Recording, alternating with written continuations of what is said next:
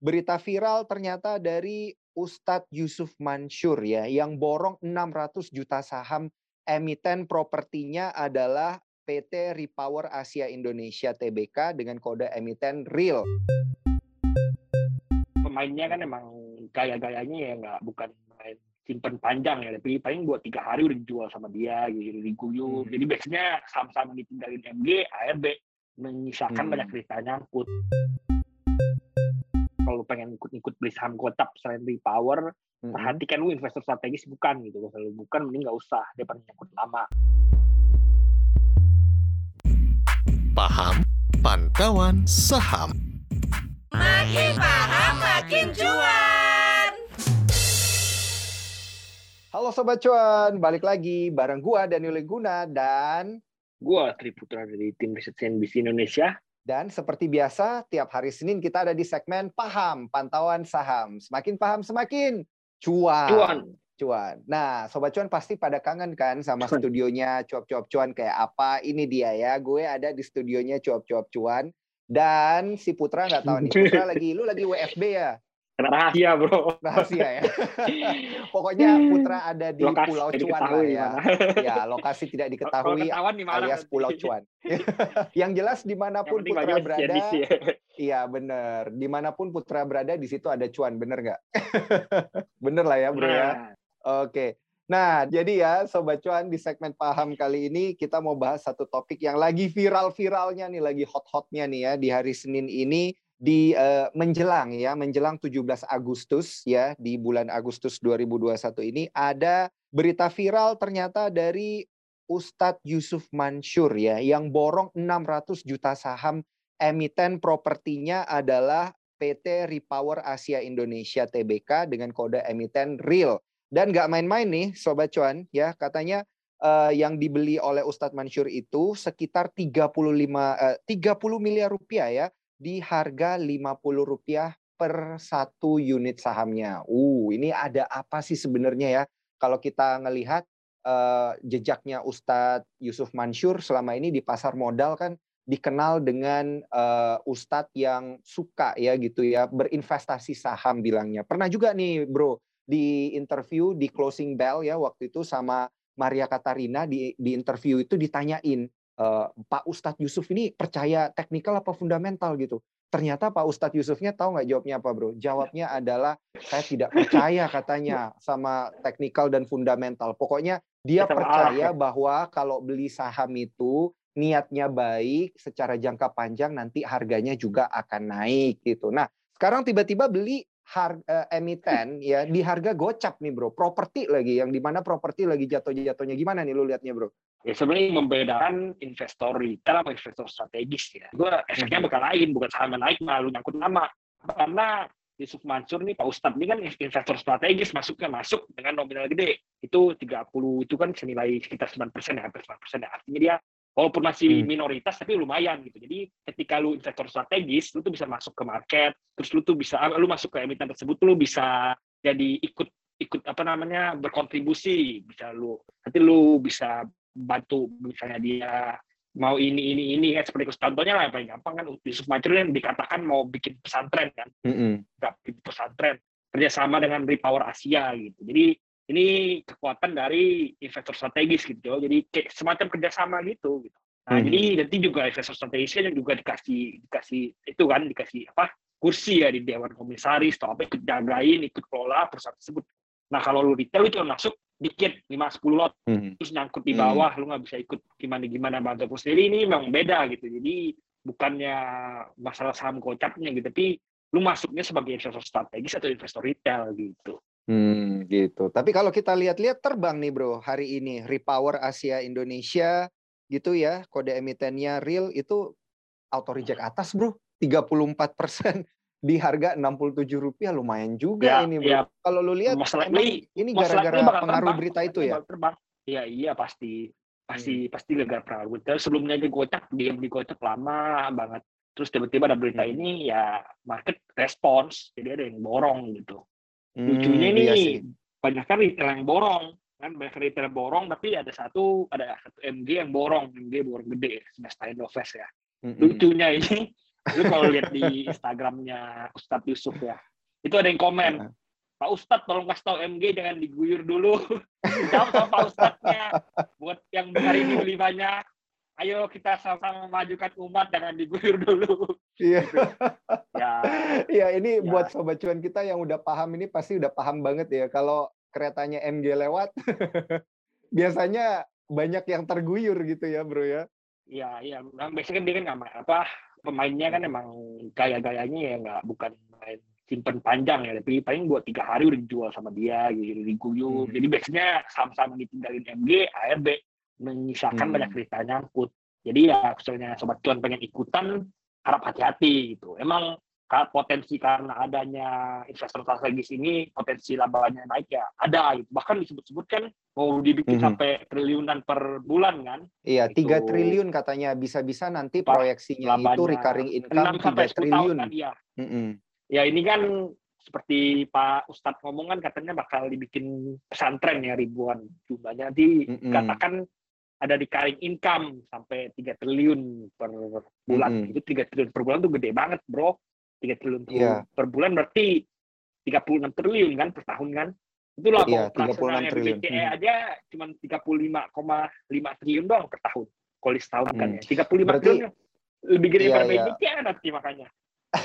Kalau Bro, sampaian itu realistis nggak sih? Lu, lu lihat realistis nggak sih? Itu kan dia bilangnya ya. 6 sampai 10 tahun ke depan gitu ya, baru bisa mendapatkan recurring income kurang lebih 30 triliun per uh, eh, 3 triliun per bulannya. Itu realistis nggak sih? Ya, kalau misalnya lu realistis ya kalau ada mukjizat ya masih bisa bro. Ya ini sobat cuan ini, ini berarti aja. menurut lo nggak realistis gitu ya? Gue nggak bilang kayak gitu ya gue nggak bilang gitu. Sobat cuan nilai saja atau lu sendiri nilai ini realistis. Kan mungkin nggak kira-kira angka ini kecapean gitu. Hmm. kalau umat bersatu mungkin aja bro gitu. Kenapa enggak? Beneran bro. Ini kan ini kan proyeksinya gimana nih bro? Lu lihat 6 sampai 10 tahun ke depan apa sih yang bisa mengapa ya yang bisa bikin jadi trigger gitu untuk sektor properti. Kan selain ekonomi nanti dibuka kembali misalnya kan uh, suku bunga acuan lah apalah makronya udah bagus lagi. Itu kan katanya bisa mendorong sektor properti yang jadi turunannya. Tapi bisa nggak tuh sampai 3 triliun per bulan gitu 6 sampai 10 tahun ke depan. Ya, kalau lihat dari 6 sampai keuangan 6 gitu sampai gitu. 10 tahun ke depan, 6, 6 sampai 10 tahun ke depan memang bakal booming properti gitu. Untuk sekarang emang belum. Kenapa untuk sekarang hmm. belum kan siklusnya belum. Okay. Sekarang kan pandemi, ya, berarti siklusnya masih di saham-saham teknologi, terus siklusnya di saham-saham tek, apa healthcare, di kesehatan, bla bla bla gitu.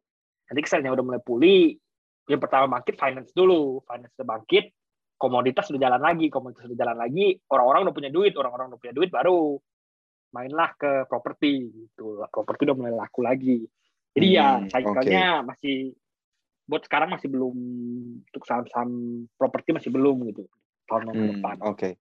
Oke, jadi kalau kita lihat uh, statement yang ada dan juga ini kan beritanya juga udah naik ya di cnbcindonesia.com nanti teman-teman bisa pada uh, googling ya. Itu berita di hari Minggu kemarin, menarik sekali ini beritanya. Ada statement juga ini yang disebutkan oleh Yusuf Mansur katanya ini bisa jadi Ferrari-nya saya dan Darul Quran kan impiannya banyak gitu. Nah ini berarti persis seperti yang lu bilang tadi bro. Maksudnya kan misinya baik gitu ya. Tapi kan kalau kita lihat dengan menggunakan emiten properti ini, real ini gitu. Apakah mampu gitu dari sisi fundamental? Atau memang cuma mau mendongkrak harga saham aja? Iya, ini kan kalau untuk sekarang sebenarnya masih belum mampu sejujurnya. Kenapa? Karena hmm. ekuitasnya terlalu kecil untuk sekarang ya. Tapi kan dikatakan nanti bakal bakal rek isu kan, bakal ada rek isu hmm. brand kan. Nah, kita kan belum tahu yeah. segede apa. Bisa aja isunya 10 triliun, 20 triliun gitu kan bisa aja gitu. Mm-hmm. Tergantung um. ke depannya gimana. Untuk, untuk sekarang mm-hmm. kan masih sulit. Kenapa? Karena karena ekuitasnya masih kecil gitu. Iya iya iya. Ekuitasnya betul ratusan ratusan miliar doang ekuitasnya kan ya. Itu mm-hmm. lu bayanginnya yang 400 miliar lu mau cetak laba 30 tiga puluh triliun kan susah banget gitu. Tapi mm-hmm. ke, ke depannya kan disebut-sebut bakal ada isu untuk suntik injek dana menurut Sus Mansurnya seperti mm-hmm. itu. Jadi lihat lagi perkembangan ke depannya apakah memang bisa cetak laba segitu mm-hmm. gitu. Jadi jadi jangan suuzon dulu, lu suuzon dulu lu. Eh, gue kan nggak suzon, gue tanya. Yang bilang butuh mukjizat itu kan lu tadi, bukan gue. Tapi durhaka lu. Gue nggak bilang butuh mukjizat, gue. Oke, oke. Nanti Sobat Cuan di rewind ya, Sobat Cuan. Oke, okay, kalau ada bro, ini kita bisa aja. Eh. Iya, amin ya. Jadi kalau misalnya benar, ini kan lumayan nih bro. Kalau kita lihat udah hari ini udah auto reject atas gitu. Siapa tahu nanti kalau, habis 7, kalau, 17 Agustusan gimana nih? Bakal ada mujizat lagi nggak dia auto reject atas?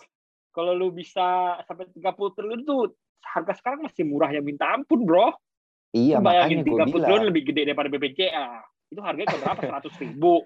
Iya, gue tahu. Tapi kan itu proyeksi 6 sampai 10 tahun ke depan. Kita lihat dulu nih proyeksi hari Rabu sampai hari Jumat di pekan ini gimana nih? Ada mujizatnya nih ya, buat untuk, Ara untuk nih, jangka, bro? Untuk jangka pendek sebenarnya agak agak menyeramkan nih kenapa jalan karena di dalam perahunya ada MG. Di satu itu dulu. di dalam perahu ada MG. Okay, okay. Yang beli kedua mayoritas ini kok, itu C ya, ada sekuritas ya. Lu, lu tahu nggak tadi lu, lu kasih, lah, lu, Iya, gue tahu. Tapi lu tadi kasih perumpamaannya itu agak agak gimana gitu? Di dalam satu kapal lu bayangin tiba-tiba ada zombie gitu gimana? Agak, aura. Seolah-olah kayak gitu. Enggak juga ya, sobat cuan. Ya, ya penumpang cuman... kapalnya ada ada pirate-nya, pirate atau pembajaknya. Jadi hati-hati yeah. diturunin lu, diturunin paksa, nyebur ke laut, tenggelam. Uh, uh, nah itu ya, tetap tetap harus ingat ya, sobat cuan, profil risiko diatur ya, karena ini kan berarti ini profil risikonya agresif nih ya, kalau mereka yang iya. investasi ya. di sini ya kalau mau investasi ini profil resiko lu tingginya minta ampun kalau mau trading masih masih oke oke lah asal lu jaga mm -hmm. stop loss ketat ya jangan sampai ARB ARB ARB terus tidur lagi digocap kemungkinannya ada oh, jadi okay. harus hati-hati gitu mm -hmm. apalagi seperti okay, yang gue okay. bilang top buyer nomor duanya itu ajaib sekuritas dan lu tahu ajaib sekuritas diisi sama banyak retail retail retail pemula biasanya paling sering nyangkut di saham itu dari ajaib sekuritas kalau dari sisi bandarmologi sih seperti itu mm-hmm. si broker-broker yang beli kurang lebih seperti itu analisisnya jadi mm-hmm. ya agak bahaya kalau masuk kecuali lu pengen dari, trading ambil dua tiga poin oke okay, gitu oke okay. kalau dari sisi trading jangka pendek ini gimana ini bro kita harus trading cepatnya nih gimana nih strateginya buat sobat cuan nih di emiten repower ini kalau lu mau besok kalau lu udah punya barang besok bisa jualan kalau udah punya barang mm-hmm. gitu kalau mau ikut panjang sih sain cuannya aja profitnya aja jadi misalnya lu udah cuan 10% ya udah lu hmm. taruh di dalam, misalnya lu mau ikut panjang, mau ikut Pak Ustad, sisain aja 10 persennya. Jangan taruh modalnya bahaya. Kalau lu pengen masuk hmm. besok, pagi-pagi HK. Pagi-pagi HK naik untuk hmm. berapa tik, jual. Gitu.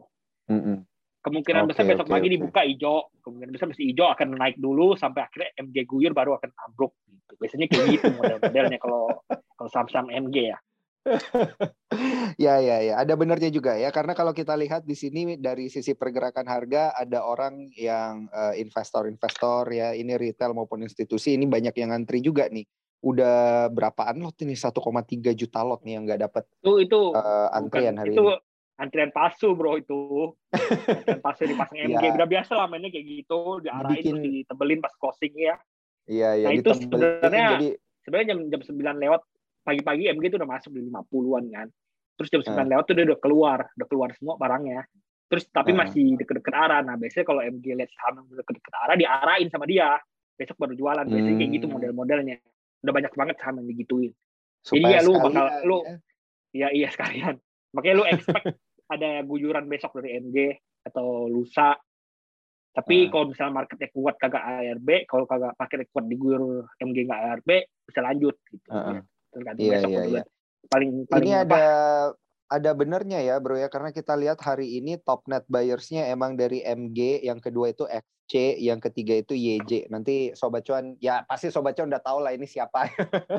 Siapa semua nih. Kalau XC tadi udah disebutin ya sama Bro Putra itu ajaib sekuritas. Ini MG ini oh, semesta Indofest ya MG motor Dan, gede ya. iya motor gede.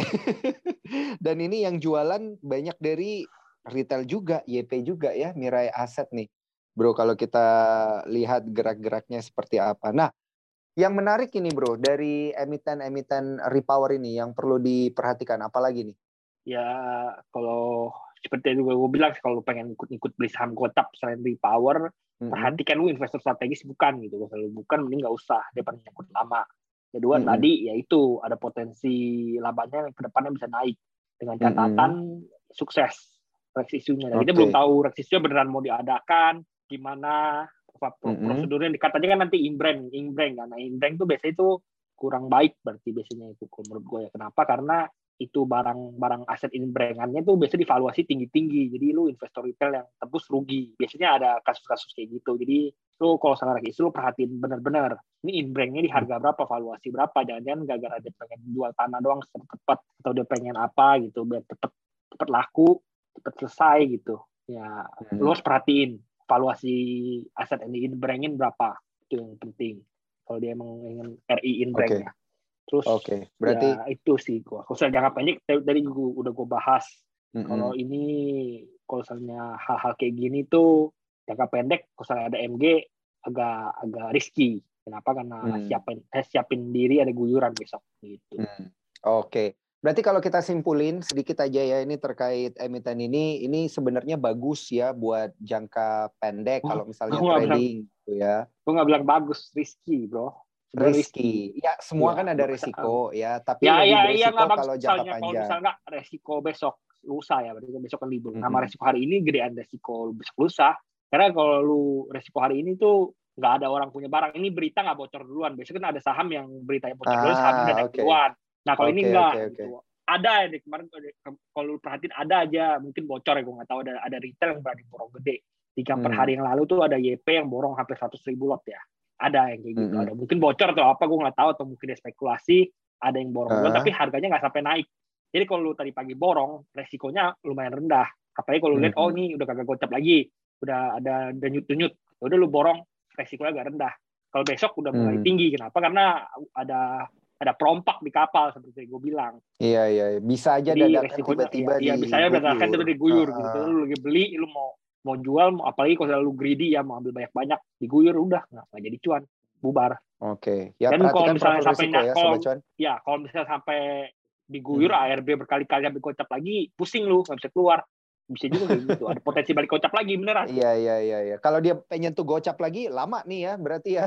Bisa sampai 6 sampai ya, 10 tahun ke depan lama gitu iya ya. enggak enggak enggak 6 sampai 10 tahun sampai sampai rak isu ya mungkin menurut gue. Kalau udah kalau udah mau deket rak isu kan biasa ada ada pergerakan sahamnya Iya, iya. Pokoknya buat sobat cuan perhatikan ya, jangan lupa selalu perhatikan profil risiko. Ingat, jangan cuma mikir cuannya, di balik cuan itu pasti ada risiko yang harus diantisipasi oleh sobat cuan. Dan nggak nggak salah ya kita kita itu bukan melarang loh sobat cuan untuk berinvestasi di emiten ini kita kasih tahu semua risikonya tapi ingat ya eh, risiko yang bisa sobat cuan uh, antisipasi aja gitu nah kemudian uh, kalau memang mau berinvestasi di emiten ini ya silakan aja ya selama bisa menerima risikonya gitu. Tapi kalau iya, takut bener. ya kita bisa pilih emiten yang lain gitu, Bro. Ini kan iya. kita melihat melihat tag uh, berita ini yang menarik ini kan bisa dari dua sisi ya, Bro ya. Yang pertama dari emiten-emiten menarik yang harga gocap dan yang kedua adalah dari sektor properti apakah memang ini jadi tahunnya kan yang pertanyaan kedua gue yang tentang sektor properti lu kan udah jawab tadi ya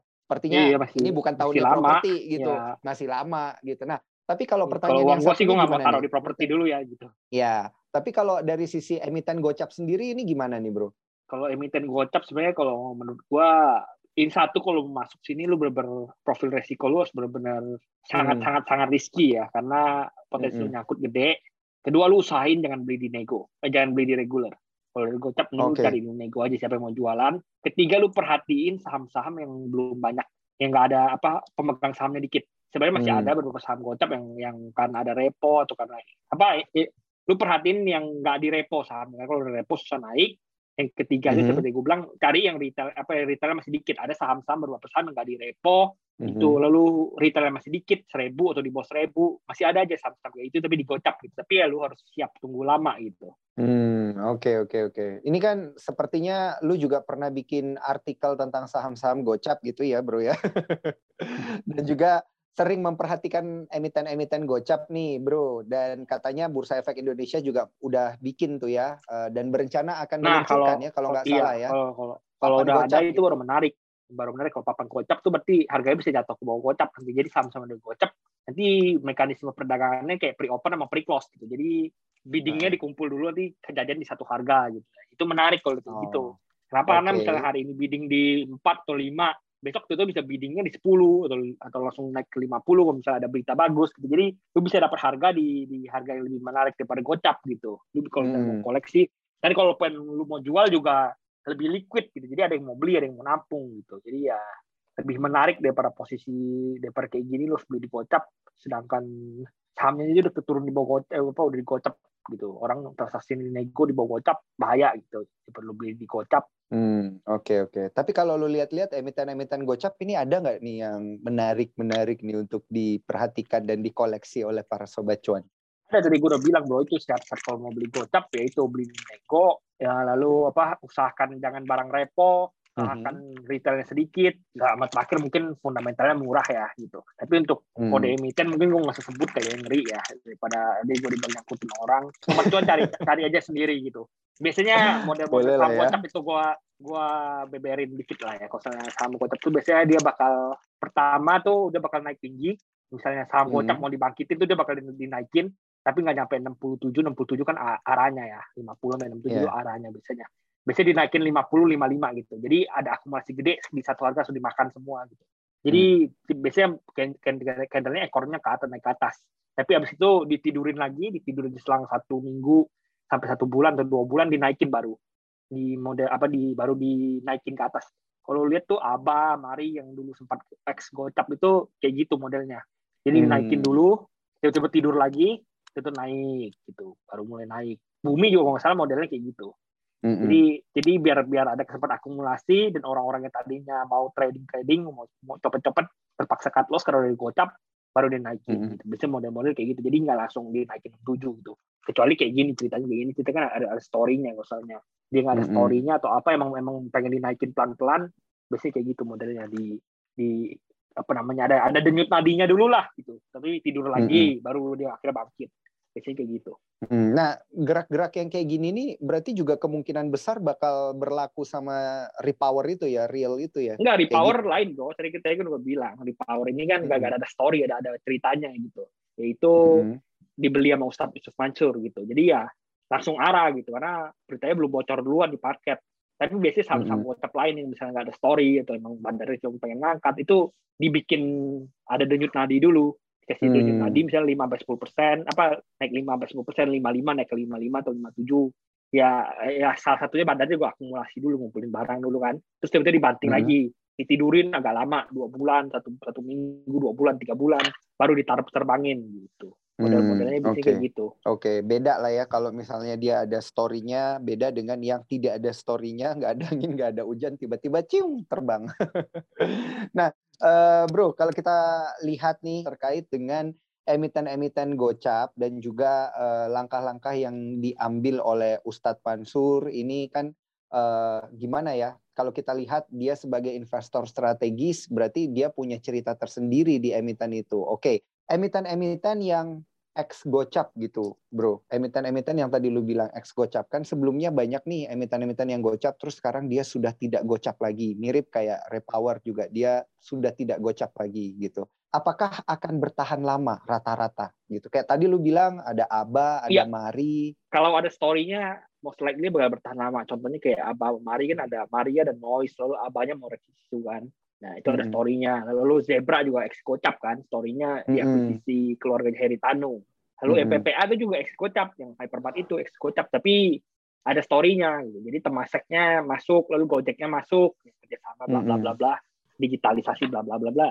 Ceritanya bisa panjang gitu. Mm. Nah, real ini kalau lu mau ngomong ada story juga sebenarnya ada story-nya tapi lebih risky dibanding dibanding teman-teman yang lain gitu. Ya, mm-hmm. bukan apa kan Yusuf Mansur nggak nggak segede Temasek sama Gojek kan tuh dan yeah. enam brand-brandnya Repower juga nggak se secanggih Hypermart Hypermart kan udah di mana-mana gitu hmm. ya gitulah ya berarti ya kurang lebih sama tapi berbeda dari sisi skalanya iya, aja gitu dari ya. skalanya gitu ada ada investor strategis yang masuk tapi ya hmm. investor strategisnya nggak segede yang saham-saham lain yang tadi gue sebutin gitu ya dari gocap hmm. sekarang sampai seribuan lima ratusan gitu Hmm, oke oke oke. Jadi kalau story-nya udah selesai dia bakal balik gocap lagi gitu? Iya, ya ini tergantung kan masalah story apakah uh. Pak Ustadz ini bisa nepatin janjinya gitu, ngembangin hmm. Repower Asia ini sebagai salah satu properti emiten properti hebat nantinya.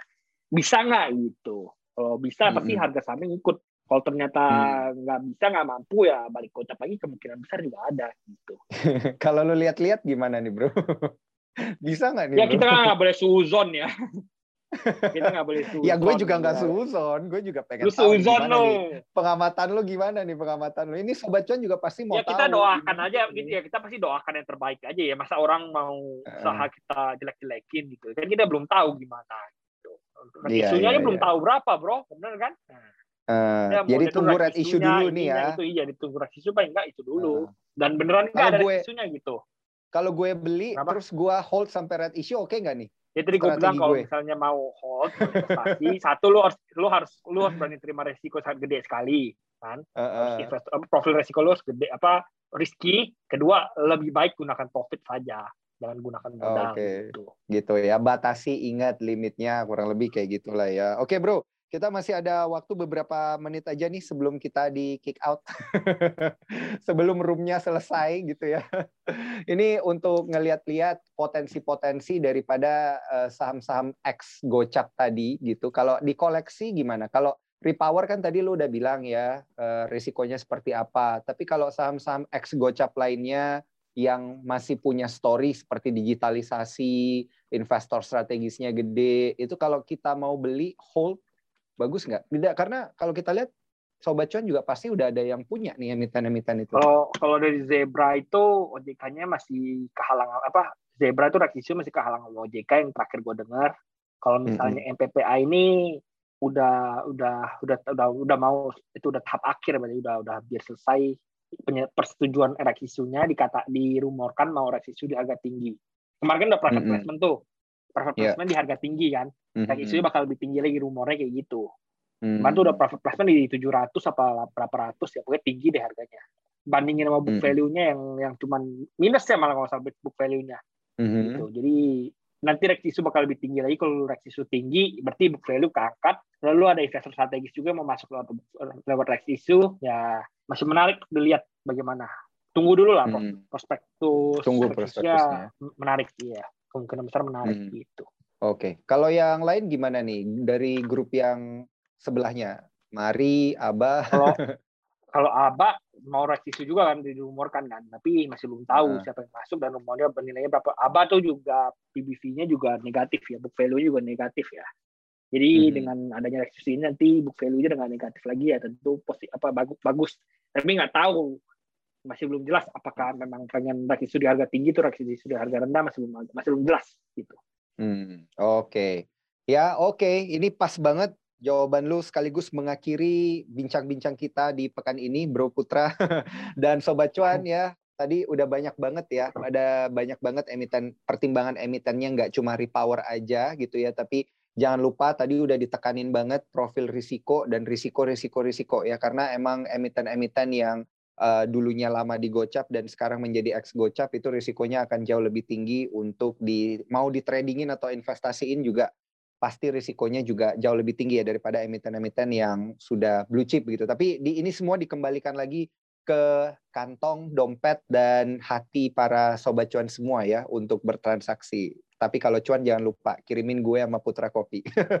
Pasti lu, bro. Dan tiap minggu lo kita minta kopi lo. Ya, pasti lu. Putra udah dapat. Kopi lu gue Putra udah dapat. Gue kirimin deh. Oh, lu yang kirimin ya? Gue kirimin lu, lu kirimin gue gitu ya. Sama si bohong dong. Oke.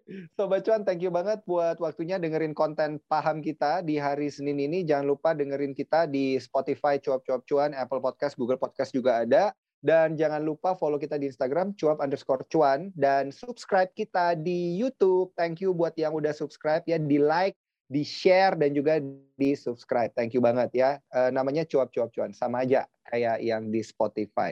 Oke sampai jumpa di konten paham selanjutnya. Pantauan saham Bye. semakin paham semakin cuan. Bye. Bye bye.